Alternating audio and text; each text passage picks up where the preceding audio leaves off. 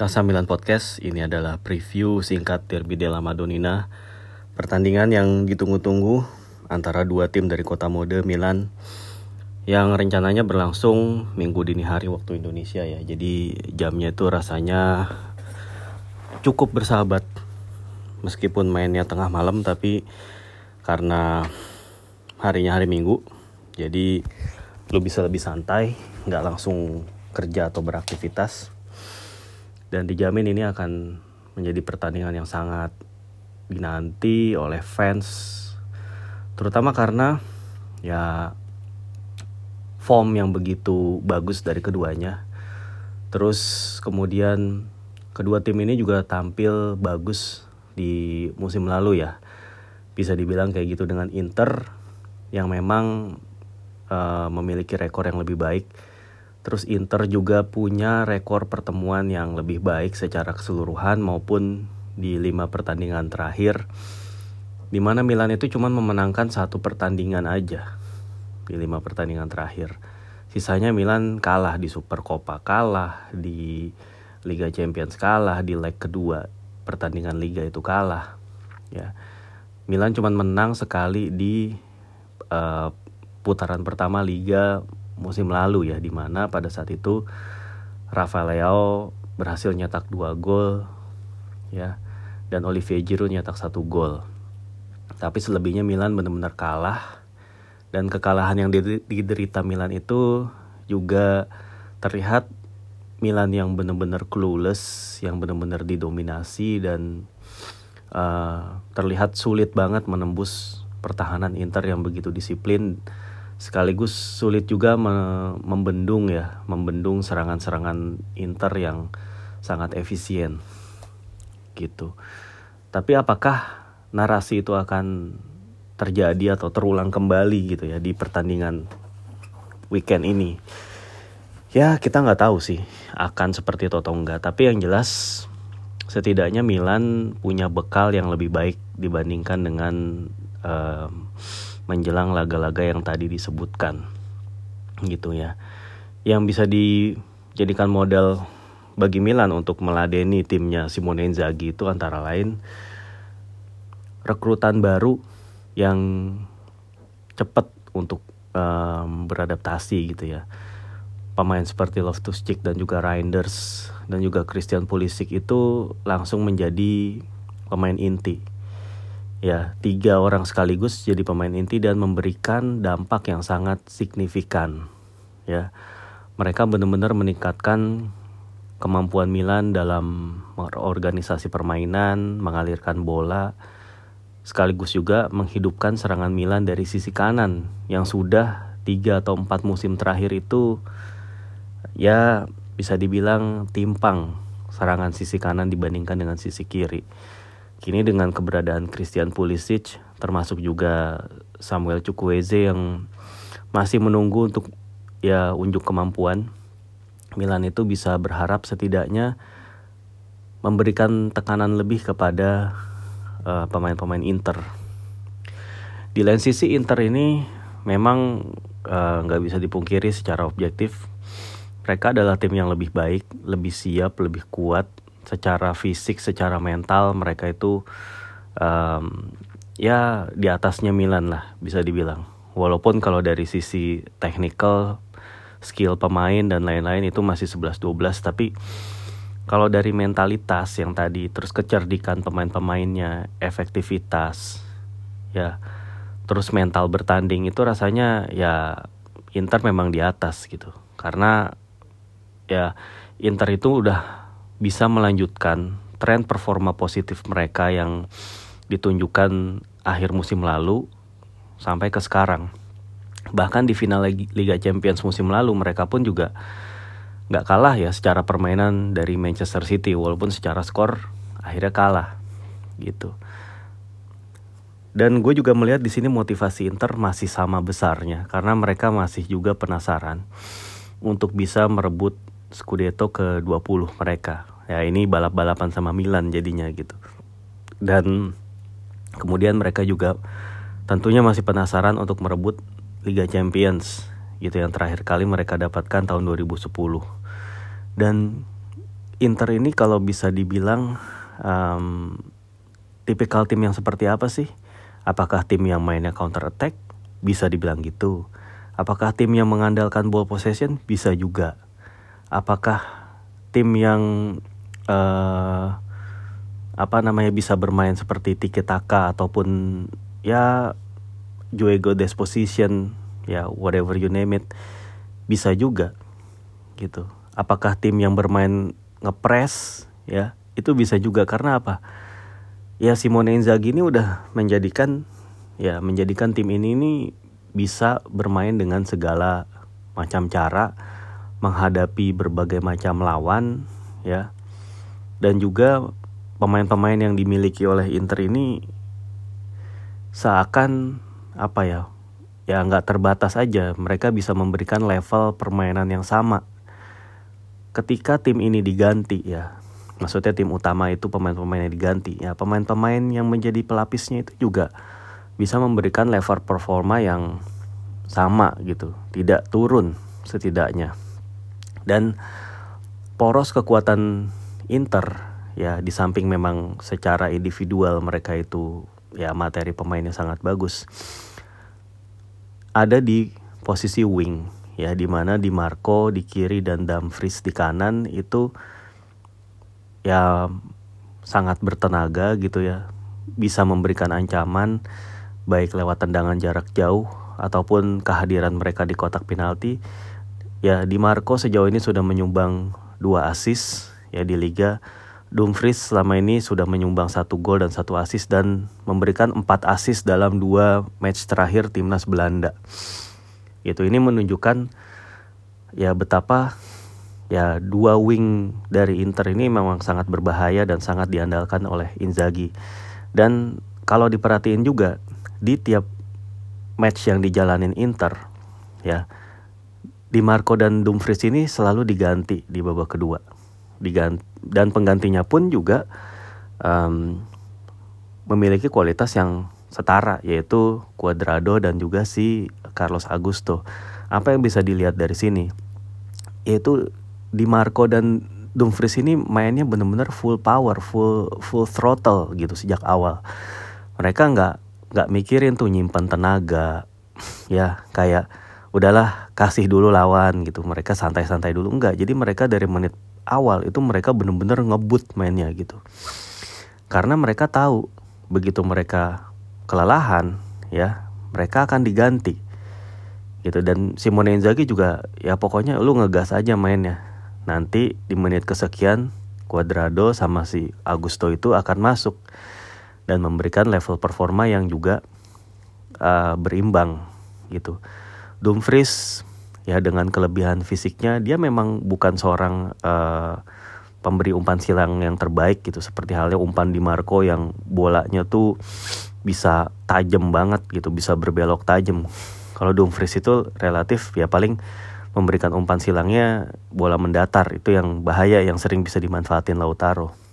Tapi Dumfries juga dengan tadi seperti gue bilang kelebihan fisiknya dia bisa attack the penalty box. Jadi ketika di Marco mengirimkan umpan, Dumfries itu ada di tiang jauh yang siap memenangkan duel. Ya. Begitu juga sebaliknya ketika Dumfries itu mengirimkan umpan, Di Marco itu juga ada di tiang jauh.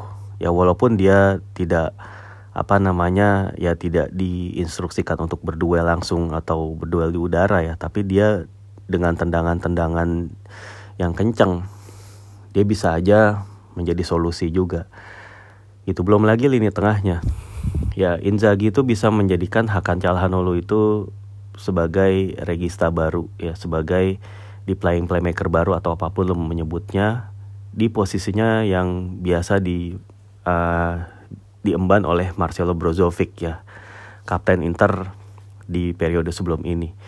Calhanoglu ya harus di, diakui ya berhasil dibangkitkan gerintanya ya. Ternyata dia juga punya kemampuan defensif yang bagus, kemampuan ngebaca permainan. Ya dia bisa mengintercept dan bisa ngeblok, bisa nekel juga. Dia masih punya kemampuan set yang bagus.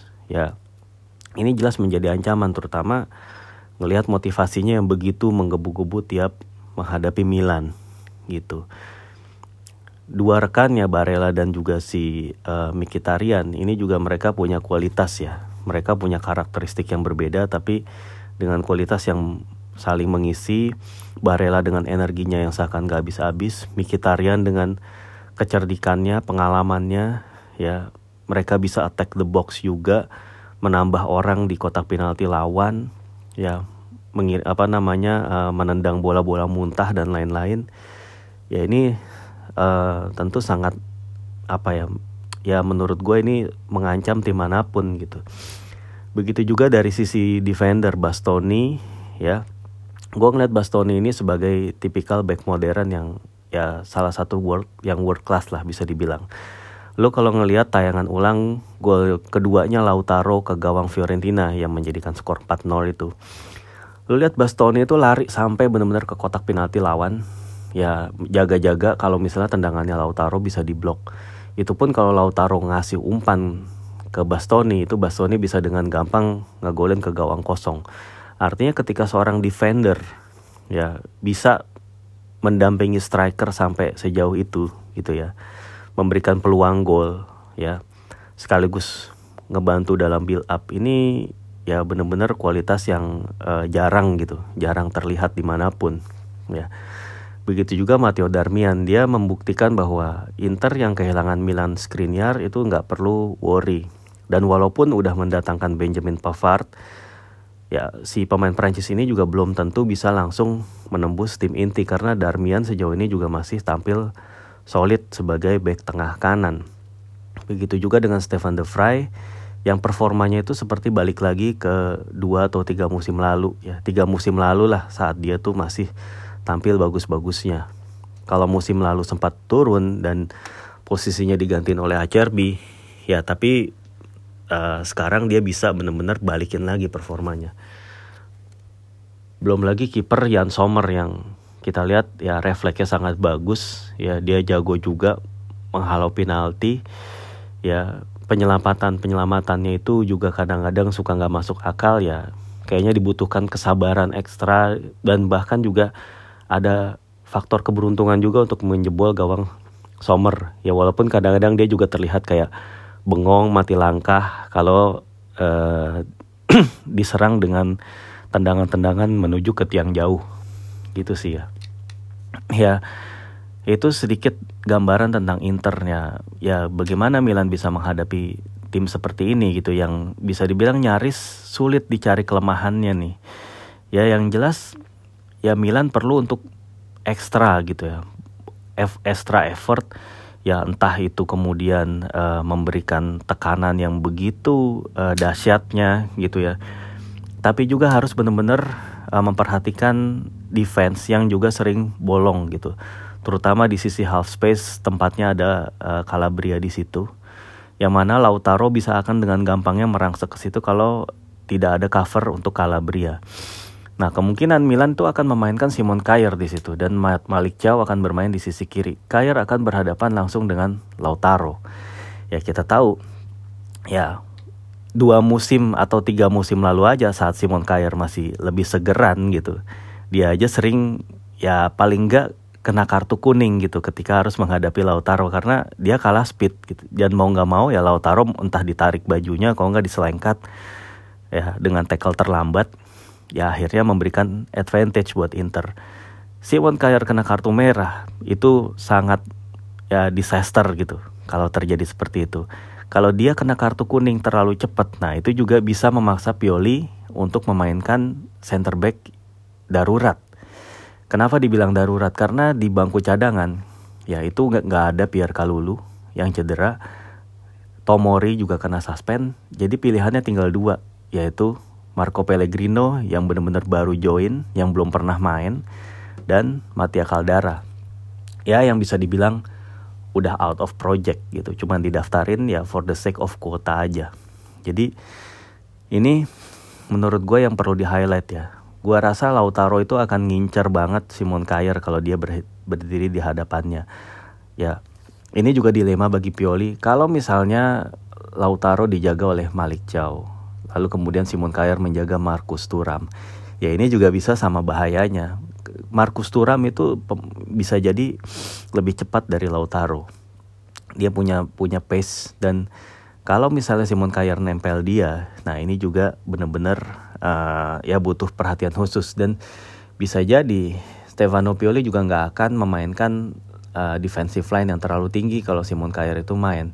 Jadi dengan defense defensive line yang lebih rendah ya pemain-pemain tuh ya seperti Kronik, Reinders dan juga Loftus-Cheek itu ya mereka butuh untuk menjemput bola. Begitu juga Pulisic dan Leao, mereka butuh menjemput bola lebih awal gitu. Dan butuh skill individu dan juga kemampuan passing yang super akurat untuk bisa ngelewatin line demi line ya blok permainan Inter yang udah dipasang sejak uh, di depan gitu. Jadi Inzaghi juga bisa memainkan high block di situ ya di mana dia tahu ada Simon Kjaer yang ya bermasalah dengan kecepatan. Ya dia bisa aja tuh ngepres terus ngepres terus ya.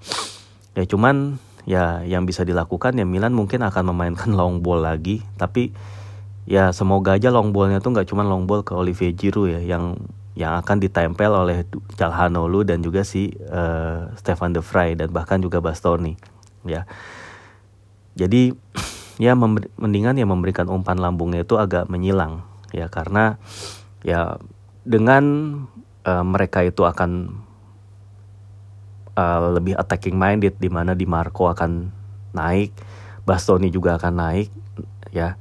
Mikitarian juga akan naik. Nah, ini akan memberikan space nih kepada Polisik terutama. Ya begitu juga um, Darmian, Dumfries, Barella ya ini juga ya tiga pemain ini emang agak sulit untuk dilewati oleh Theo dan juga Leao.